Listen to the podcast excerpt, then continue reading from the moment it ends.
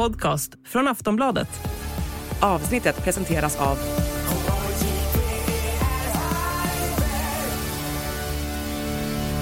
Stödlinjen.se, åldersgräns 18 år.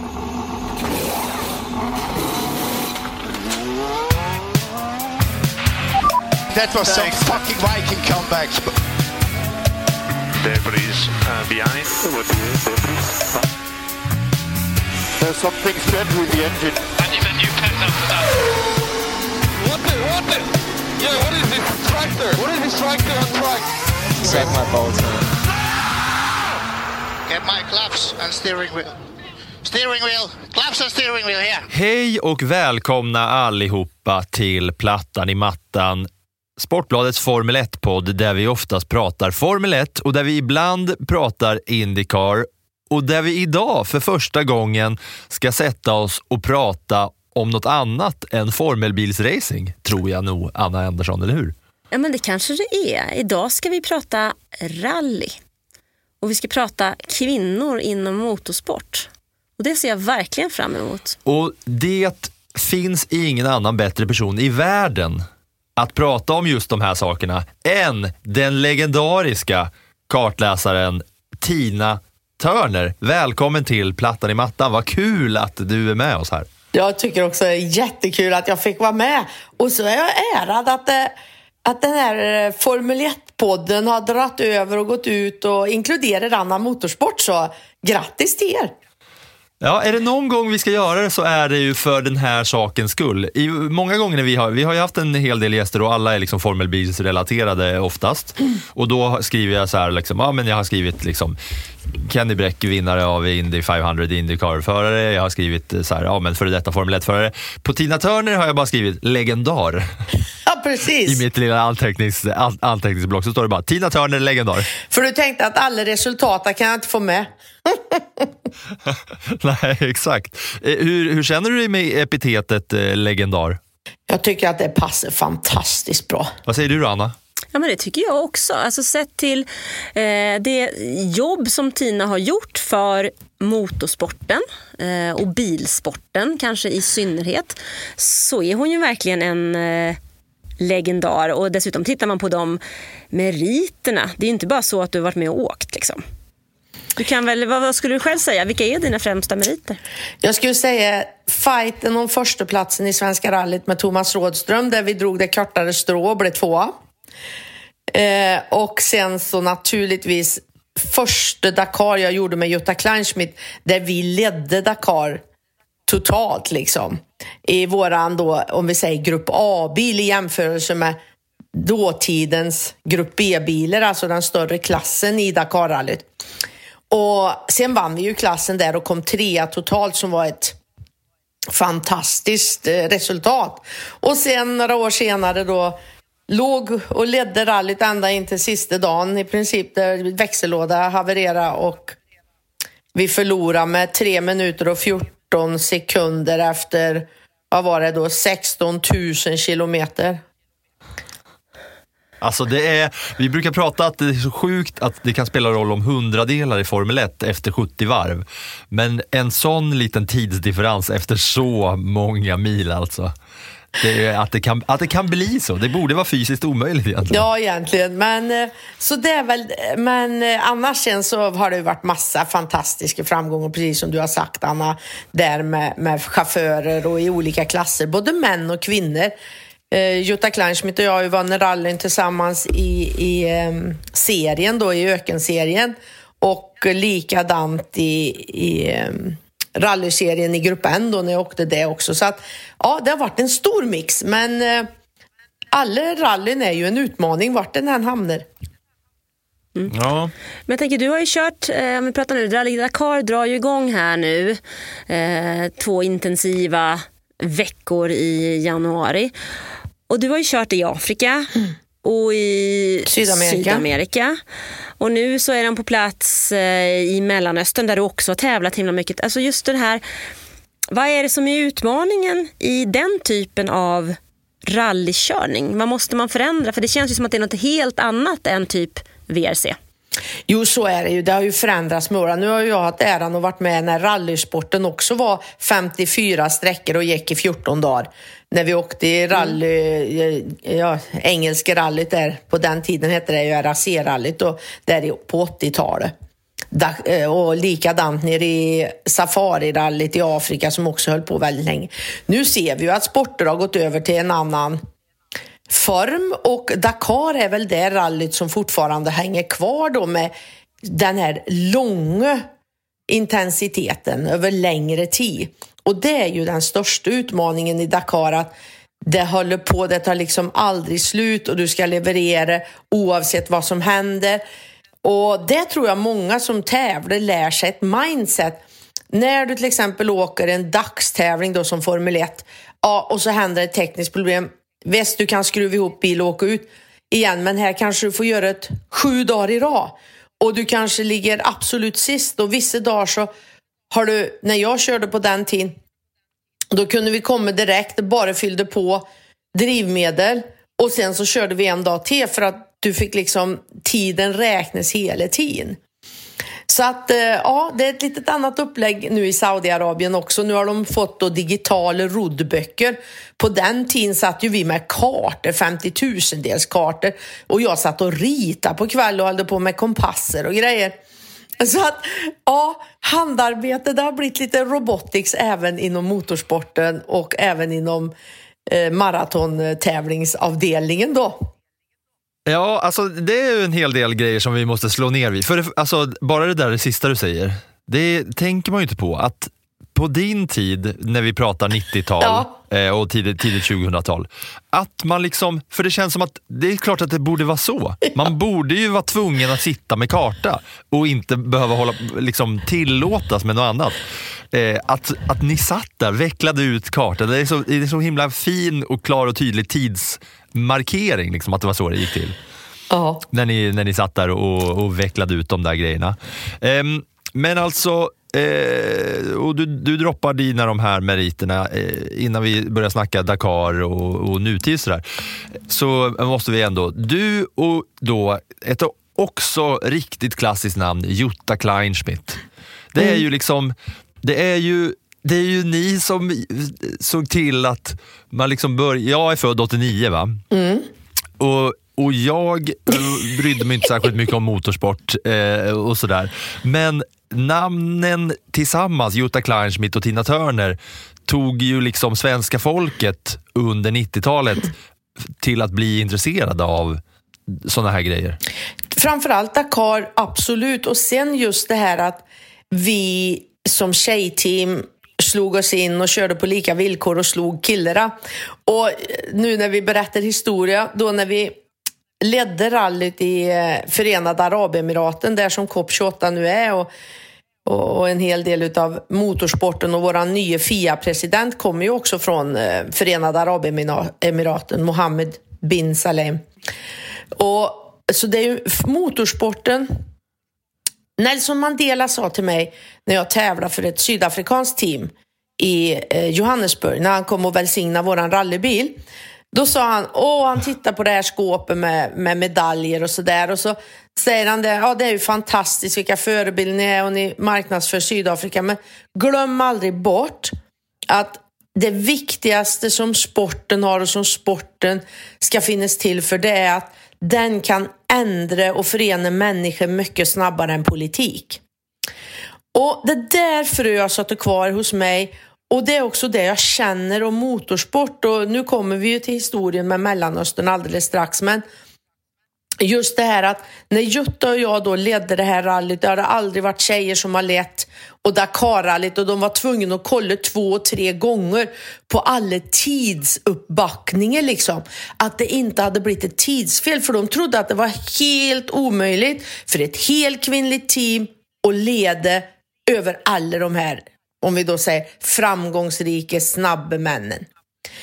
Och det här är 1999 ska vi säga. Det här är 1999, det var i, i Dakar. Sen åkte vi ju då i Förenade Arabemiraten följande år och det var ju där som vi då ledde rally och det här roliga var vi skulle in i sanddynerna till eh, Saudiarabien, på, precis på gränsen. Och eh, det var de svåraste sanddynerna, det var 50 grader ute och då blir sanden väldigt mjuk. Så att han har ingen bäring och våra bilar på den tiden med 500 liter drivmedel vägde ju någonstans 2,2 ton.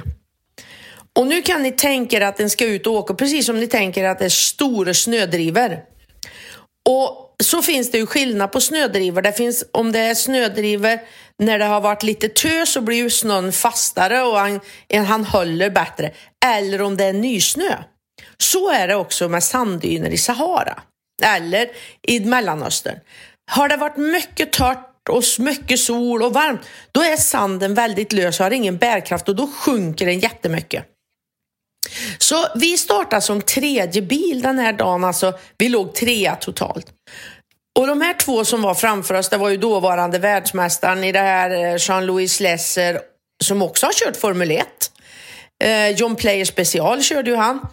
Eh, och sen så var det, åh oh, gud ni, Uh, nu har jag glömt bort vad den tredje hette. Ja, det kommer. Ja, det är, det är skitsamma det är. Skitsamma. Och i alla fall, och då åkte ju de ut och så när vi kommer till de här höga sanddynerna, det var ungefär du kan säga fem mil med bara sanddyner på gränsen till Saudi. Och ingen ville öppna för den bil som åker först, det är ju den som sparar och då är det, blir det ju den som åker fast och de andra vågar oftast inte ta nya sparval utan de kör i de sparerna som ligger. Så då ser vi Jean-Louis Lesser stå på ena hörnet, Jean-Pierre Fontané heter den andra, stod på andra och en låtsas och skruva på du vet, ta ut luft ur däcken för att få mer bärkraft. Den andra stod liksom och kissade bakom. Och egentligen så gör de det ju bara för det finns ju ingen som stannar när du har klocka på. Men i det här fallet då eftersom det är strategi så ingen av de här två vill ju sätta sig fast för de vet också hur mycket tiden förlorar. Hos oss kan ju vi förlora allt ifrån fem minuter till tre timmar. Eller ibland kommer du inte ut därifrån om du inte får en lastbil som kommer och drar ur dig. Liksom. Så det här gjorde ju då att, att Jutta ville ju också stanna och Jutta och jag står där och tittar på mig. Men jag sa till Jutta, om vi ska vara bäst i världen, då måste vi kunna åka på alla underlag. Det, vi behöver ju inte stanna för det liksom. Är vi inte bättre? Och Jutta bara, jo det tror fan att vi är bättre. Och så åker vi igenom, vann ju den här sträckan för de kunde ju aldrig åka ikapp oss för de hade ju liksom förlorat tiden och körde ju nu bakom oss. Och så kommer vi i mål där och Mohammed är då, äh, han var en sån här för motorklubben redan på den tiden. Han körde nu snackar vi för presidenten Mohammed Ben ja, eller? Mohammed bin Ja. Salem, ja. Fias president. Så han står ju där på podiet, det är livesändning i, i eh, Dubai. Vi är nere i den här eh, marinan där nere. Eh, Det är glitter och glamour och det är hela konkarongen. Och sen så liksom ska de släppa upp nu två fruntimmer först upp på podiet. Och ni vet ju, de skruvar på sig och de visste inte. Det var ju liksom livesändning och the big guys coming now with the, you know, no fear. Ja. Och så ska de ha upp två fruntimmer i röda overaller i en röd liten Mitsubishi där vet du. Och så vi åker ju upp och, och den här journalisten då, tv-journalisten står där med Mohammed och de skulle ju vara artiga och naturligtvis ställde ju samma frågor och visste väl inte riktigt.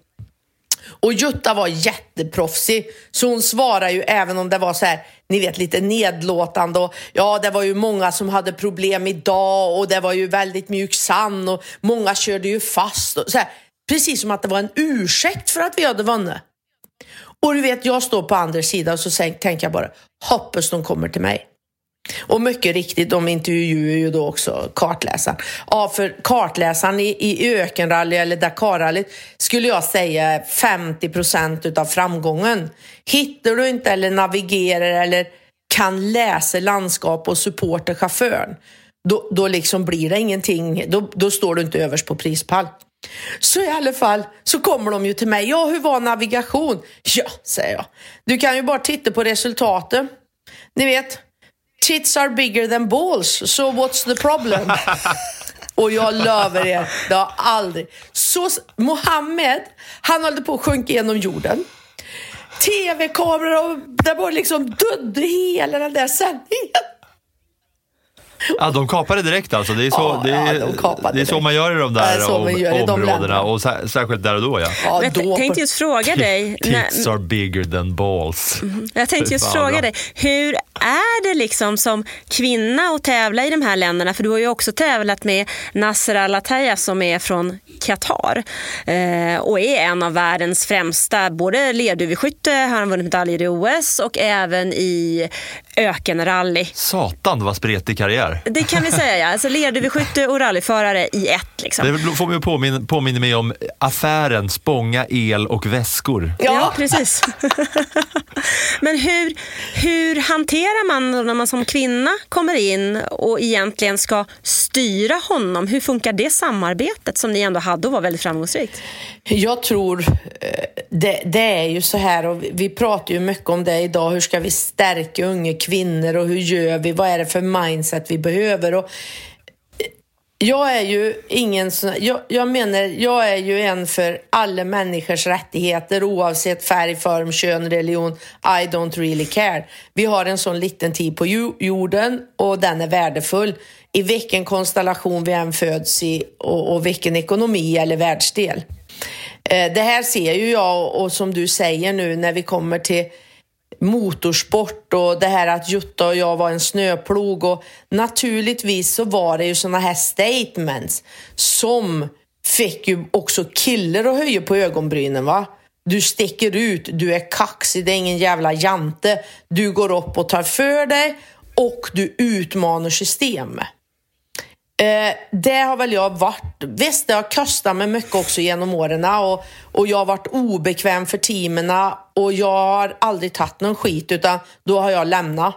Sen har inte jag gjort någon större grej utav det men för att en måste få våga säga det en tycker och när det barkar iväg och vi slog oss in i en mansdominerad miljö som oftast när det är ett gäng med män så märker du ju inte vad det är som är en jargong. Det märker en ju först när det kommer en utomjording då, eller som jag och Jutta. Men både jag och Jutta hade ju skinn på näsa och istället då för att ducka för de här, om vi säger dåliga skämtena eller du vet, som då skulle liksom vara lite som en maktposition kan en säga. Prata om oss när vi var där och sådär så gick ju jag direkt till attack liksom. Och det var så här, ja men du vet, vi har ju varit, på den tiden fanns det en klubb som de var väldigt stolta över, det här 10 000 meters klubben vet du. Att någon skulle då ha, ha flörtat upp en flygvärdinna där och och jag bara, nej det är ju inga problemet nej. Det utmanar mig, ska ni göra någonting får ni ju liksom. Så jag har hela tiden utmanat systemet med pojkarna. och har de sagt någonting så har jag levererat något som har varit lite värre och stått upp för det. Jag har inte duckat. Aldrig. Och så var det ju så här, ja men hon ligger till sig sina, eh, du vet liksom att jag gjorde det. Ja gud ni. Jävlar så jag, men det är ju ett fritt samhälle. Blir ni lika bra på att ligga som jag är så varsågod. Får ni se hur lätt det är att få framgång liksom. Please do it. Och det här hade de ju aldrig varit vana i motorsporten att någon konfronterar varje sånt här liksom statement eller som de tyckte skulle kunna då bli förlöjligande eller trycka ner. Det var ju jag hög på direkt. Det gjorde ju att jag fick en helt annan ställning och, och då blev det ju lite så här mystisk, crazy woman som ändå levererar resultat. Så att det berätta Anna en skulle jag säga att det var nog det som gjorde att jag också fick åka med Nasser. För du berättade en historia för mig om hur ni ville tävla i Saudiarabien Mm. men inte fick. Och det var inte jättelänge. Mm. För att du var kvinna, vilket ledde till att de faktiskt ändrade reglerna. Så var Där du det. blev hotad av att bli stenad i stort sett. Ja, det, det, är- det är ju en rolig... Alltså, det här hände 2010. Nasser och jag då... Det, är så jävla lång, det var så långt ifrån att äh, så här, det hotades att du, skulle, att du skulle bli stenad och du börjar rågarva och säger det är en rolig grej. Det är så långt ifrån varandra, de två orden till reaktionen. Ja, jag förstår det och det 2010? låter ju krasst. Det är inte så att jag på något sätt... För, men den roliga historia är hur du faktiskt kan bryta mönster istället för att se det som ett offer. Det är väl där jag också... Eh, ibland så har vi tar vi för lätt till och inte jobba med problemet på riktigt och så ska vi ha tusen andra. Det är precis som Nelson Mandela sa. Du måste våga sticka ut hakan, precis som han gjorde. Han satte sig i fängelse. Du måste stå upp för det och även om du riskerar ditt liv. För att annars kommer det inte till en förändring. Ibland kan vi inte prata. Vi, vi, vi, och det har ingenting med människorna i den här delen att göra. Jag ser inte ner på dem på något sätt utan det är ju att de har växt upp i en kultur där det här har varit en norm och de inte vet någonting annat. Och det är likadant hos oss. Vi har människor här som tror på verkligheten, som tror på saker och för dem är det en riktig verklighet. När vi sen Men kan så... du berätta då vad som hände Ja, 2010? och då, då skulle ju vi åka dit och tävla. De hade satt ut en miljon i prispengar och vi hade ju vunnit VM och vi hade gjort allting. Och de här två åren hade jag varit med och coachat Qatars skyttelandslag, bland annat Nasser då. Och eh, var med även inför Peking. Och Det är senare... nästan ännu spretigare. Ja, det är ännu att, att spretigare vara att liksom vara coach. kartläsare och sen, och sen tränare för skyttelag. La- Skyttelandslag, nej coach för mental träning för skyttelandslag i Qatar. Jo, och då i alla fall så, vi hade ju det här fantastiska samarbetet, hade också jobbat med, med klubben i, i Qatar. Och så säger ju John, men gud fasen, det är klart, det blir ju en fin julbonus att åka dit och liksom, vem ska kunna slå oss? Och så Nasse skickade in en anmälan. Vi pratade med BMW, vi åkte för BMW då och skickade in en anmälan. Och så kommer det tillbaks till Nasser då liksom som tog oss från Qatar på arabiska och vi skulle få bil där då från, från X-ray. Och så, ja, då kom det tillbaks. Du, jag tror du liksom, det står ett kvinnonamn här. Du har nog kryssat i fel att det är en kvinna. Nej, nej, hade ju Nasser då svarat tillbaks. Det är min eh, officiella kartläsare, bla bla bla bla bla. Ja, då skickar de tillbaks, ja men du vet, är hon då gift? Mm, nej, säger Nasse, då hon är inte gift. Och Nasse ringer till mig och säger, Tina, Satan, eh, skulle du kunna, du vet du måste vara gift för att sitta i framsäte. Vi har ju inga baksäten. Eh, och då behöver du vara gift. Ja, men Nasse. Man fick alltså inte sitta i framsätet om man inte var gift. Nej, så är det. kvinna. Är du ogift kvinna, Mm. på, nu pratar vi 2010, då fick du inte sitta i framsätet om du inte var gift. Och det är det som är grejen här 2010, inte 1952. Liksom. Nej. Liksom. Men då ringer Nasser till mig. Ja, nej gud, ni sa jag är ju inte ens en kille, det vet du vad jag menar. Ja, men alltså, är det inte någon du liksom, nej gud, ni sa i Sverige kan vi inte bara gå och gifta oss liksom. Det. Ja, ja, men sa han, vet du jag kan ju ha flera fruar, vi får helt enkelt gifta oss. Så vi ringde till hans kompis Jaja som skulle styra upp ett giftermål.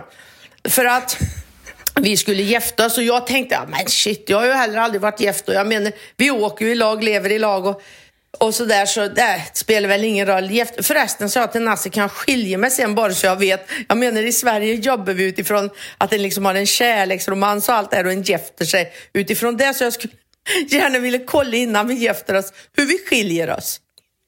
Och då skrattade, då var Jaja med då som skulle styra upp det här och liksom se hur vi kunde få till det här. Och eh, då säger han, ja men oj, säger han, du vet så här, säger Nasser till mig, du vet när du blir min fru då har du samma ställning som alla andra fruar med hus och hem och backup och sådär. Ah, då skulle du inte ens behöva åka rally liksom. Jag bara, nej gud i himmel, jag måste ha min frihet. Så i alla fall, men vi fick styra upp det där och jag ringer till mamma och säger det, du, när du nu läser de här artiklarna, det är bara för att vi ska åka i Saudiarabien och mamma höll ju på att dö liksom. Ska du, vad, vad händer då? Mm. Och sen hade vi gjort det, vi hade liksom fått det på rull. Ja, då skulle jag ha en brandsäker balaklava. Ringde då till OMP som levererar flamsäkra underställ liksom. Och de frågade ju om jag var nykter överhuvudtaget som nu skulle sy en burka i flamsäkert material. Och sen i alla fall, så det som det då avgjordes på det var att om jag nu skulle åka var jag tvungen att skriva på ett dokument där jag tillåts, tillåt dem att stena mig ifall att jag bröt mot de här eh, lagarna. Och då sa BMW, alltså de kunde ju inte skicka iväg oss då, det gick ju inte. De kan ju inte skicka iväg ett tävlingsteam där en skulle kunna bli stenad. De, de, de känner mig väl, så jag tror att de insåg att hon kommer ju att bryta varenda lag när hon kommer dit liksom.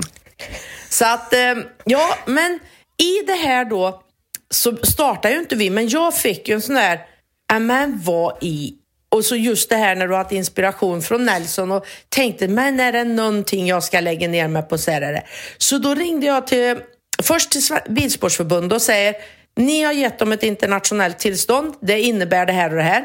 Och om det är så att de inte fullföljer det och jag ska bli stenad så kommer jag liksom att vända mig mot eh, eh ja, eh, um, vad heter det? åklagare tänkte jag säga, det heter det, advokater för att då får de ju stämma er som egentligen då bryter mot vad ni egentligen står i era regler när de ska driva internationella tävlingar.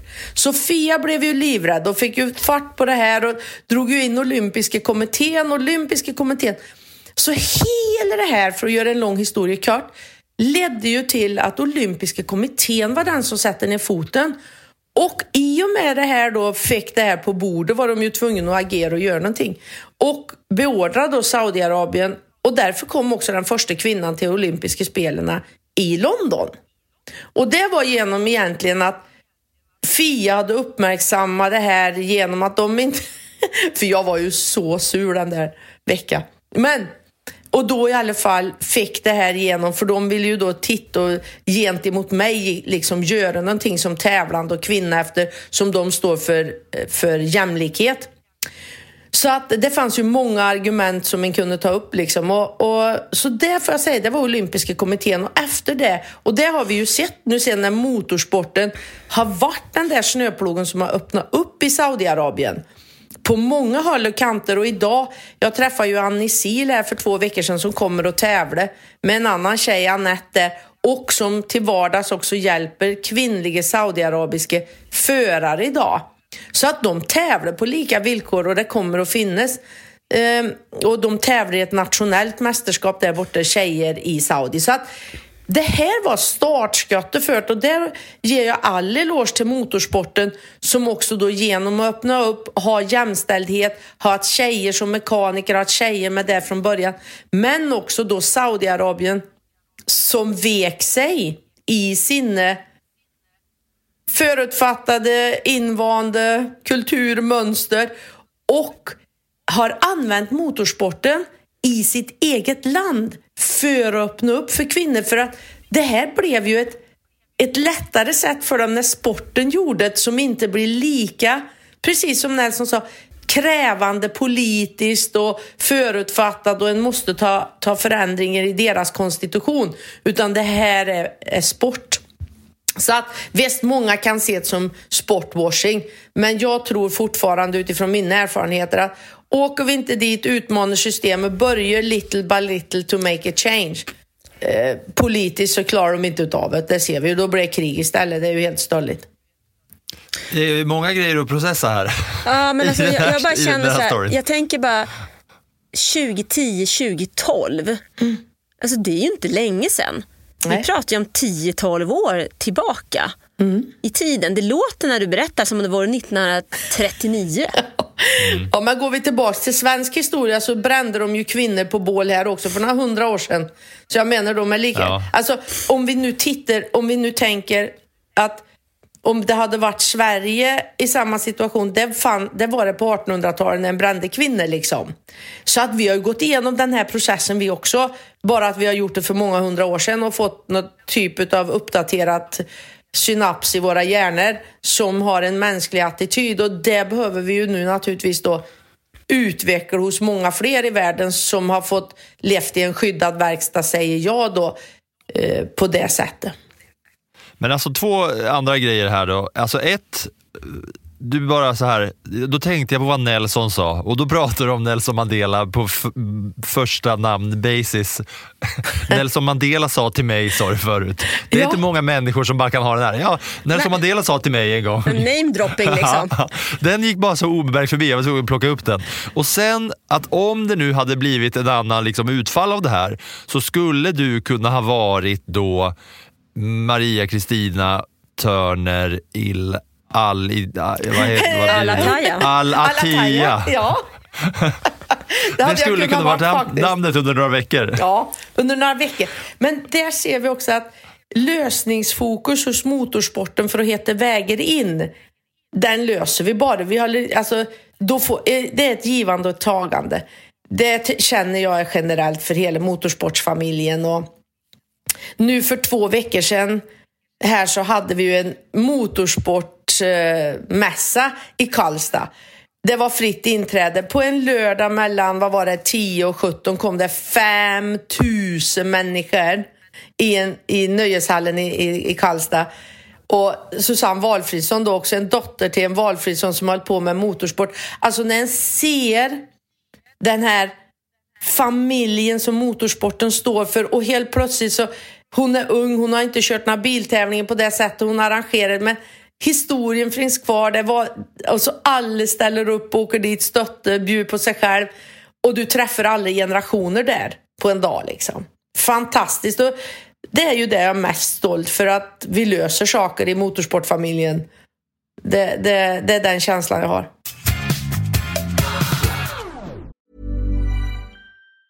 A lot can happen in three years, like a chatbot may be your new best friend. But what won't change? Needing health insurance. United Healthcare Tri Term Medical Plans, underwritten by Golden Rule Insurance Company, offer flexible, budget friendly coverage that lasts nearly three years in some states. Learn more at uh1.com.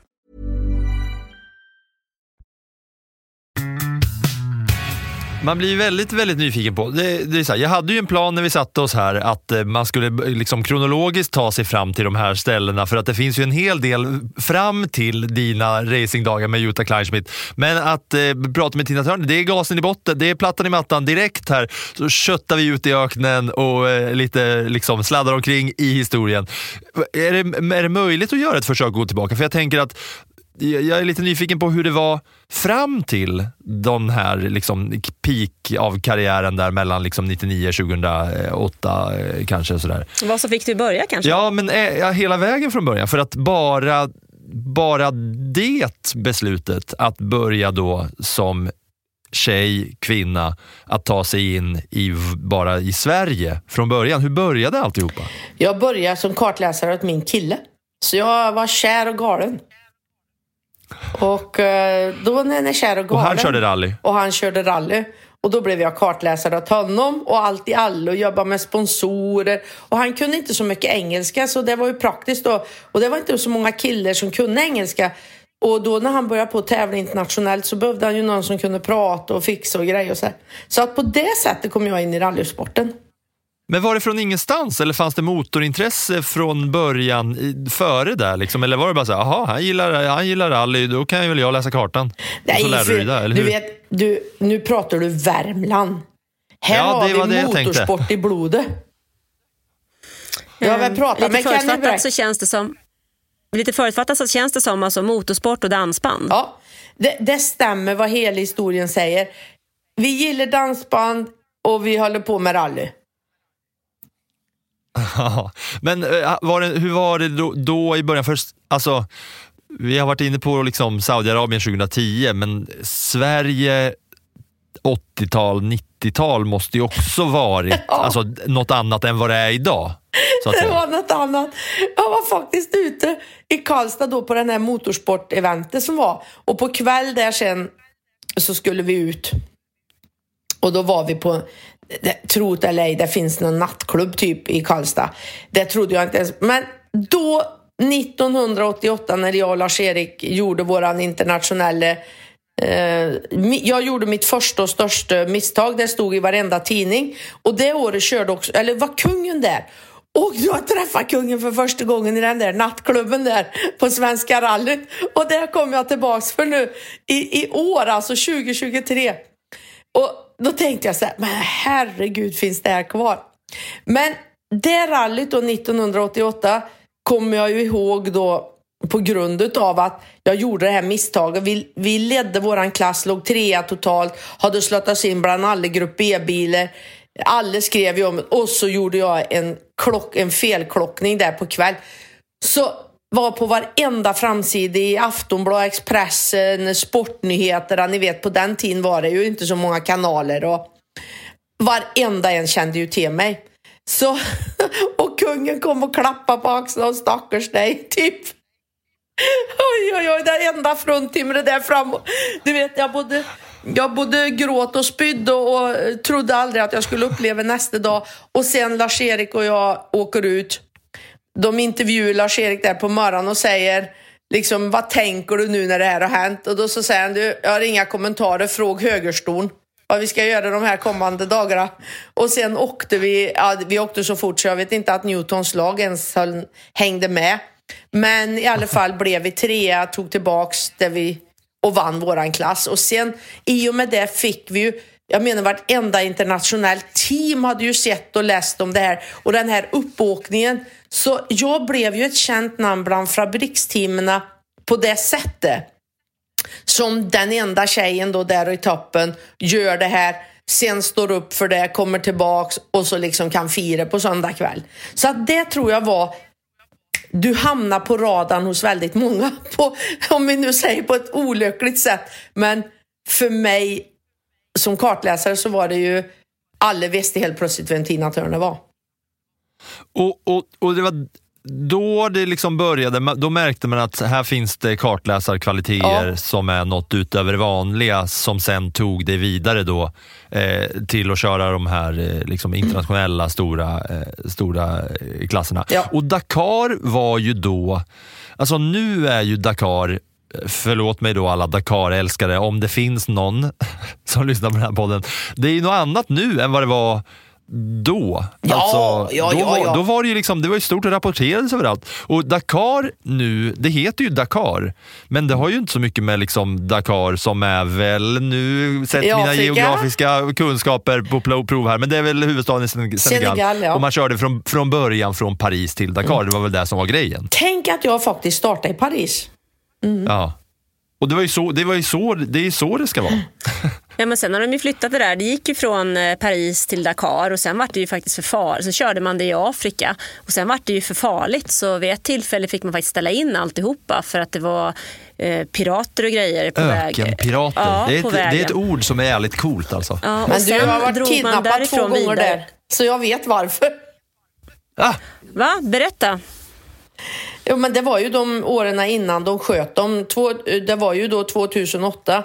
Då blev det inställt för att de helt, det, det eskalerade. Två år före hade vi varit kidnappade första året i Mauritanien. Sen var vi kidnappade i, i, i, vänta nu, i Mali. I, ehm, mm, mm, nu kommer jag inte ihåg vad stan hette där. Det var ett flygfält där. Då var vi kidnappade där, blev utflögna på ett ryskt Antonov, fick sitta i veckor hos Gaddafi på någon himla militär anläggning i Algeriet.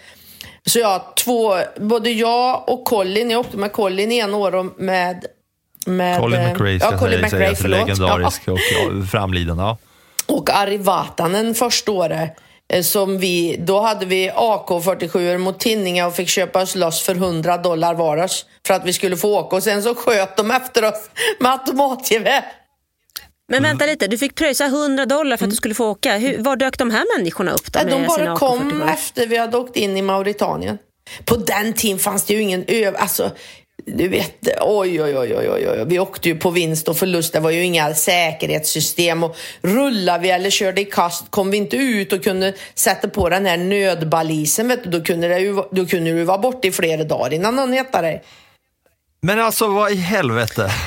De, de dök bara upp i Mauritanien och körde ikapp er då? Och, Nej, de stod med bakom viften. kullarna där. Så när vi kom som första bil, det fanns ju ingen säkerhet där. Så bara talade de om, drog in AK47 genom dörrar och sa det att eh, vill ni åka här så money, money. Det var liksom... Och då pröjsade ni liksom och Ja. kunde åka vidare direkt eller? Ja, där kunde vi mera, Så de ville bara ha pengar. Och så var det första året. Andra året la de ut miner så våra servicebilar blev bortskjutna med halva bakdel. Och vi fick ju sätta mitt i ett minfält i två dagar innan vi fick sådana här minsökare som kom. Sen när vi väl hade kommit då till, eh, till, ehm,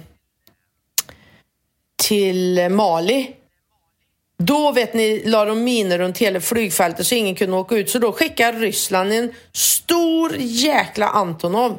Och där lastade vi in lastbilar och så kom flygplan så vi fick flyga. Och sen så öppnade Gaddafi sina luftrum så där damp den här ner med alla våra bilar och oss. Och så fick vi sitta där tills de hade organiserat sig igen på en militärkamp hos Gaddafi. Men var det, var det hela teamet då som de plockade Ja, hela rally. Hela rallyt. Men alltså, det här var liksom en del av eh, kalkylen man gjorde i sitt huvud innan man drog ner och bara, ja, ska, jag vet ju att det här innebär ju, ja, det är en fysisk utmaning och vi, sportsligt så handlar det om det här.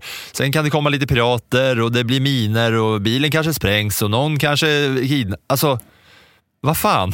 Ja, det kanske det här inte med? ut i. Nej, det var ju inte med i planeringen. Men det är ju sånt som hjärnan fick lära sig att hantera allt eftersom här, I Afrika kan vad som, helst, vad som helst hända. Och i och med på den tiden när vi inte hade digitaliseringen, du hade inga connections, vi hade ju bara radioapparater om du var i närheten av någon som hade någon sänd. Alltså, och vi hade ju sådana spotterplan som låg uppe för att de skulle flyga över rally för att få kontakt. Men du vet, vi körde ju sträckor som var 120 mil långa. Och på den tiden sådana där små plan som då flög över en. Så du vet, det var, åh herregud. Oj, oj, det var ju rena High Chaparral. Men alltså, det här känns ju då i, när, man kan, när man har, eh, när när tid har gått och 89. man kan titta till... ja, men jag tänker bara, det här är ju en sån grej, på samma sätt Alltså man tänker tillbaka, vad fan tänkte man med då? Alltså på samma sätt som, jag har sagt det här säkert någon gång förut i podden, att, va, att, man, att man ställde sig i ett hockeymål utan hjälm och tänkte att det här är väl en bra idé? Att här ska jag stå och stoppa puckar utan något, någon hjälm i ansiktet och kan liksom folk skjuter som dårar. Det är, också, det är, så här, det är ju så sjukt och, och idiotiskt. På samma sätt är det ju att man bara, ja men vi kör väl en racingtävling utan att någon kan eh, liksom hålla koll på våra förare som ändå är så här, personer från alla länder i hela världen. Vi kör dem bara rätt igenom utan kontroll eller koll i de här livsfarliga jävla områdena. Med en karta och kompass bara. Kommer du fram så kommer du fram, annars Ja, så ja, hämtar men vi så dig en annan dag. Du vet, det blev ju påställt. Ett år var ju han prins, eh, du vet, från Monaco med och skulle köra då. Och den vet Prins du, Albert. Albert, ja. Den vinglade ju bort sig med sin kartläsare och var ju borta i tre dagar. Så vi fick ju stanna rally för alla skulle ju ut och söka efter denna prinsen. Den blev ju borta i någon sån där afrikansk by, vet du. Och kartläsaren hade inte så med, med kunskap och visste väl inte. ja, ja, ja. Det har varit Alltså, så roligt det med så- detta Dakar. Ja, men det är så sjukt. Och att, att Dakar blev din grej, för sen var det då eh, när ni var första kvinnliga duon på podiet 99. Körde ni Mitsubishi Pajero Evolution? Yes, Får du några varma känslor när man eh, drar upp den eh, gamla bilmodellen? Eller? absolut. Och sen året efter körde du med Jutta igen. Då blev ni femma, Ja. 2000. Och, och då hade ni ju, det var ju liksom första, så det var ju inte som en snöplog utan det var ju som en liksom ni sprängde liksom upp så att det fanns lite yta för, liksom, eh, för, för kvinnor fr- framåt. Sen året efter, då vinner Jutta utan Tina. Ja, då åkte jag med... Hur var det för dig? Jo, nej men det- alltså, Jutta var ju att hon skulle navigera, hon älskar Dakar. Medan jag var ju lite kluven där i början. Jag kom ju från VRC. Fick då ett erbjudande om att åka med Citroën tillsammans med Thomas Rådström. Och min genuina bakgrund är ju VRC-rally, Svenska rallyt, ni vet här i Karlstad, Värmland, runt om i världen. Så när jag fick den chansen att kliva för att åka VRC så, ja, det för mig personligen var ju liksom det där målet som jag hade bestämt mig för att ta med Lars-Erik, att vi skulle vinna VM och, och med Citroën så såg jag en möjlighet med Thomas att kunna göra det. Och, och sen körde du med då, du nämnde ju, jag då som, som född 89, tv-spelare och som ändå så här genuint sportintresserad som svalde den sporten man fick på liksom 90-talet. När du nämner Colin, utan att säga Colin McRae, som är en av de liksom mest legendariska racingpersonerna, alla kategorier nästan känns det som eh, för mig, som du körde med 2004, 2005. Uh, hur var det då?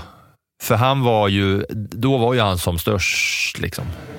Jo, men Colin och jag hade ju känt varandra sedan 1990 och, och var ju...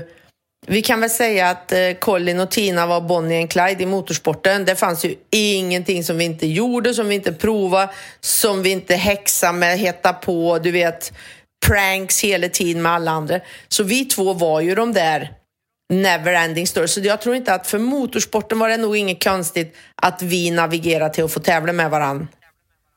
Men det var en sån jäkla dunderduo eh, där och då alltså. Colin McRae. Det känns som att han, ha, ja, så här är, det är såklart inte så här, men för mig känns det som att tack vare Colin McRae så finns Subaru idag. Men så är det, så är det absolut.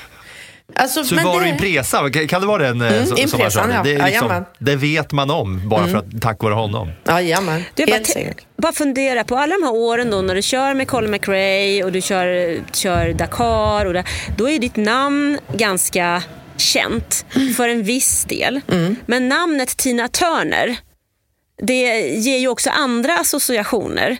Hur många gånger har du klivit in någonstans och bokat någonting eller varit någon Tina Turner och folk har trott att du varit den andra? Ja, det har hänt så många gånger. Och du vet, hotell får jag, jag har fått sviter på och blivit hämtad med limousin och fördelar när jag ska boka saker. Jag har ju aldrig haft nej någonstans i världen. När jag ska boka tickets på något ställe eller en restaurang på en kväll. Oh, this is Tina Turner. Oh yes, how many? så det har ju varit superbra. Så- och sen... Och så, när du, ja. när du kommer då, vad säger de då? Nej, de vill ju inte, de tycker de, vill, de tycker att det är lite, oh wait, but are you, no no we have a booking for, yes I'm Tina Turner. Och de bara, oh ja okej, okej, okej. Så att, eh, nej, så det har bara varit positivt eh, på alla sätt. Men jag Undrar hur många lyckas gånger inte det har att hänt träffa den andra till. Ja, jag Nej. tänkte hur många gånger det har hänt henne att hon har gjort en bokning och de bara okej, är det eh, legendary, vad heter det? Ja, men- Kart, eh, men, läsare på engelska. I Schweiz har de faktiskt det. Därför vi bodde ju på varsin sidan om Zürich.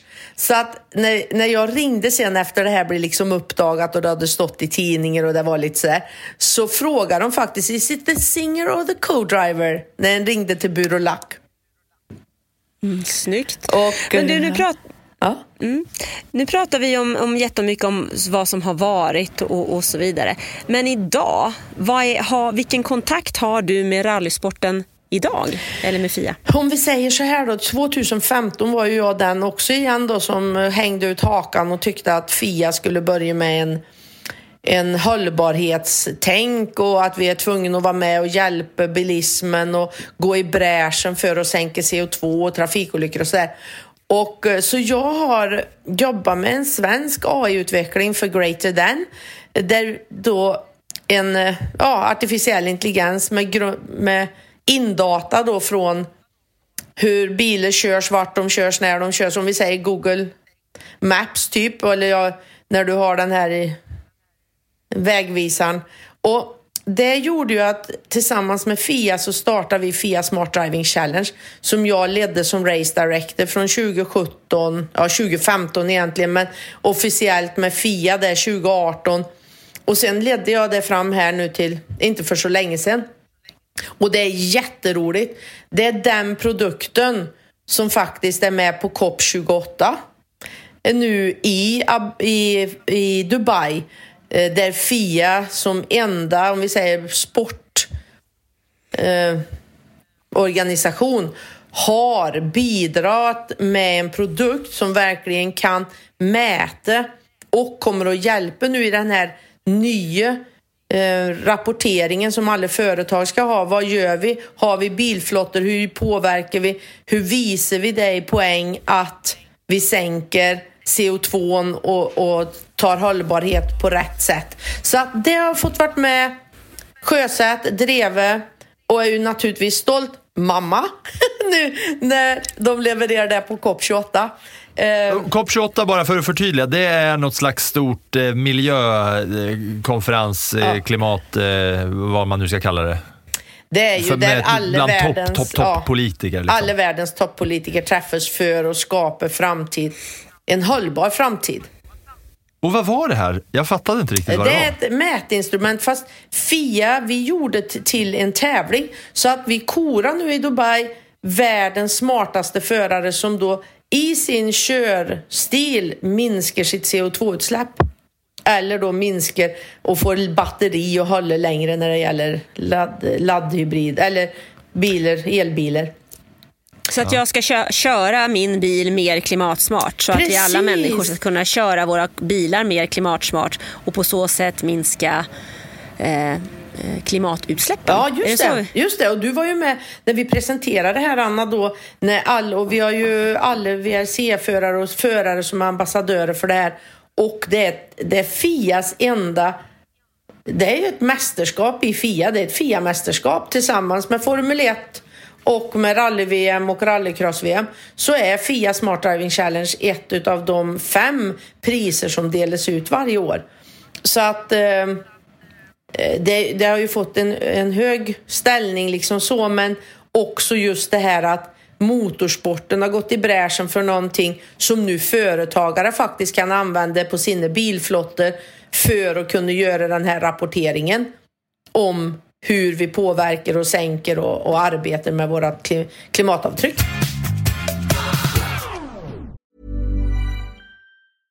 Hey, I'm Ryan Reynolds. Recently, I asked Mint Mobile's legal team if big wireless companies are allowed to raise prices due to inflation. They said yes. And then when I asked if raising prices technically violates those onerous two year contracts, they said, What the f are you talking about, you insane Hollywood ass? So to recap, we're cutting the price of Mint Unlimited from $30 a month to just $15 a month. Give it a try at mintmobile.com slash switch. $45 upfront for three months plus taxes and fees. Promo rate for new customers for limited time. Unlimited more than 40 gigabytes per month. Slows. Full terms at mintmobile.com.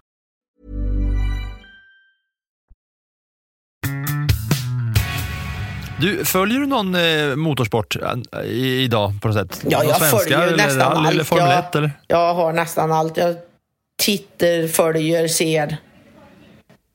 Absolut. Det är ja. så bra, Det är klart, Formel tydligt 1, svar. Det är Jag följer allt. Det är eh, Extreme E, det är rally, det är, ja.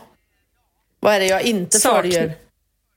Saknar du den aktiva tiden på något sätt? Har du funderat på någon comeback? Nej, därför att jag vet att jag har så många skador i kroppen och det var egentligen ett, eh, ett agreement med min doktor också. När vi testar, vi testas ju varje år och när du ser att du inte kan bygga muskelmassa. Jag har gått in i klimakteriet, jag kan inte bygga lika mycket muskelmassa.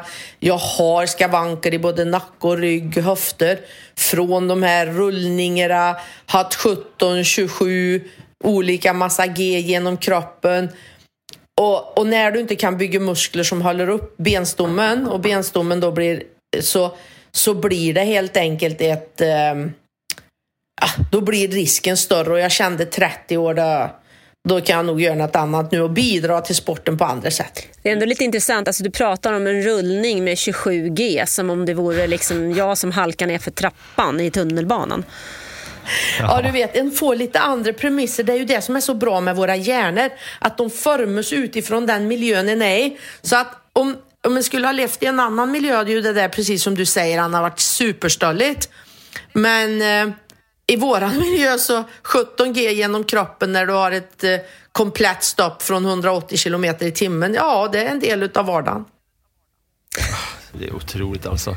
Eh, vilken, vilken ära det har fått vara och liksom, det känns som att man varit med och tumlat runt här i Tina Turners eh, liksom full gas framåt här. Centrifug. Ja, Jag, jag tror jag måste sätta mig och processa det här samtalet som vi har haft nu. Det tar nog någon timme eller två. Ja, det har, varit, det varit jättekul och annorlunda och bara få åka med. Nu, det känns som att här har, du, här har jag fått vara, inte co-driver, jag har suttit i baksätet, du Anna har suttit i liksom framsätet och vi har bara åkt med dig här. Vad härligt det var. Det är fantastiskt. Ja, men tack ska ni ha. Jättekul att, eh, att ni också vill, eh, att ni vill ha mig med i Platta i matta-podden. Ja, om, så, som jag sa när vi började, om det är någon som inte liksom kör formelbilsracing som ska med så är det Tina Turner först av alla.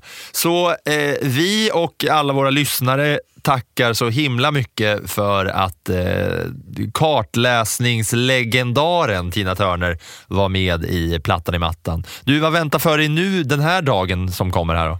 Ja, den här dagen ska vi, vi har just haft en nyanställning här på Edanesågen och eh, jag ska käka lunch med dem. Eh, de, det är ju så här, sen jag, jag har också när vi gör nyanställningar så ska har de respektive de välkomna första dagen. Så att de får lära känna teamet, företaget, se vart respektive ska arbeta. Så Fan, vilken bra eh, grej. Ja, Eh, det, det, det är också det här inkluderingen som vi har och på söndag ska vi ha en julfest så det håller jag på att arrangera. Så att det är många nya saker som jag tycker berikar mitt liv på ett annat sätt. Många frågar ju varför du liksom slutade eller vad var det som gjorde, men jag kan ju säga att de här 30 åren när jag har bott utomlands och nu får komma hem, mamma lever fortfarande, jag har utbyte med mina syskonbarn, på helger har jag familjen. Eh, det har gett mig ett sånt, om vi säger privat mervärde. Eller det här att du kan vara med en lördag på en motorsportevenemang i Karlstad. Eh, som jag aldrig har kunnat varit under åren. Så att jag har ju fått liksom ett nytt liv på ett annat sätt som många tycker, ja men gud, våran vardag. Och jag bara, wow, hur fränt är inte det här? Och jag går till samma jobb och jag kommer hit på morgonen och du träffar ditt nya team. Och jag tror att igår när jag kom in här med, du vet, klockan sju på morgonen och kvittrar och de satt där nere och tog emot mig där lastbilarna tas emot då när de ska hämta, hämta lass här med virke. Och de bara bröt ihop och så sa de, vad är det du äter på morgonen? Hur kan en älska liv? Hur kan den vara så positiv varje dag? Ja. Så att, eh, så, men jag tror att igen då, det här med att du kan du liksom får vara med och skapa världens bästa arbetsmiljö. Du får vara med och, och precis som i motorsporten, få alla att bestämma sig för och ville vara del i det. Det är nog Ja. den finaste liksom, som jag får tillbaks, även om de tycker jag är stöllig ibland. Men jädrar vad vi ska ha roligt på den här arbetsplatsen. Precis som vi hade i motorsporten. Fy fan så fint. Tack så jättemycket Tina Turner för att du var med. Tack ska ni ha! That was some fucking Viking comeback. Debris uh, behind. There's something strange with the engine. And you've a new pet after that. What the, what the? Yeah, what is this tractor? What is this tractor on track? Set my bolts man. Get my claps and steering wheel. Steering wheel. Claps and steering wheel here.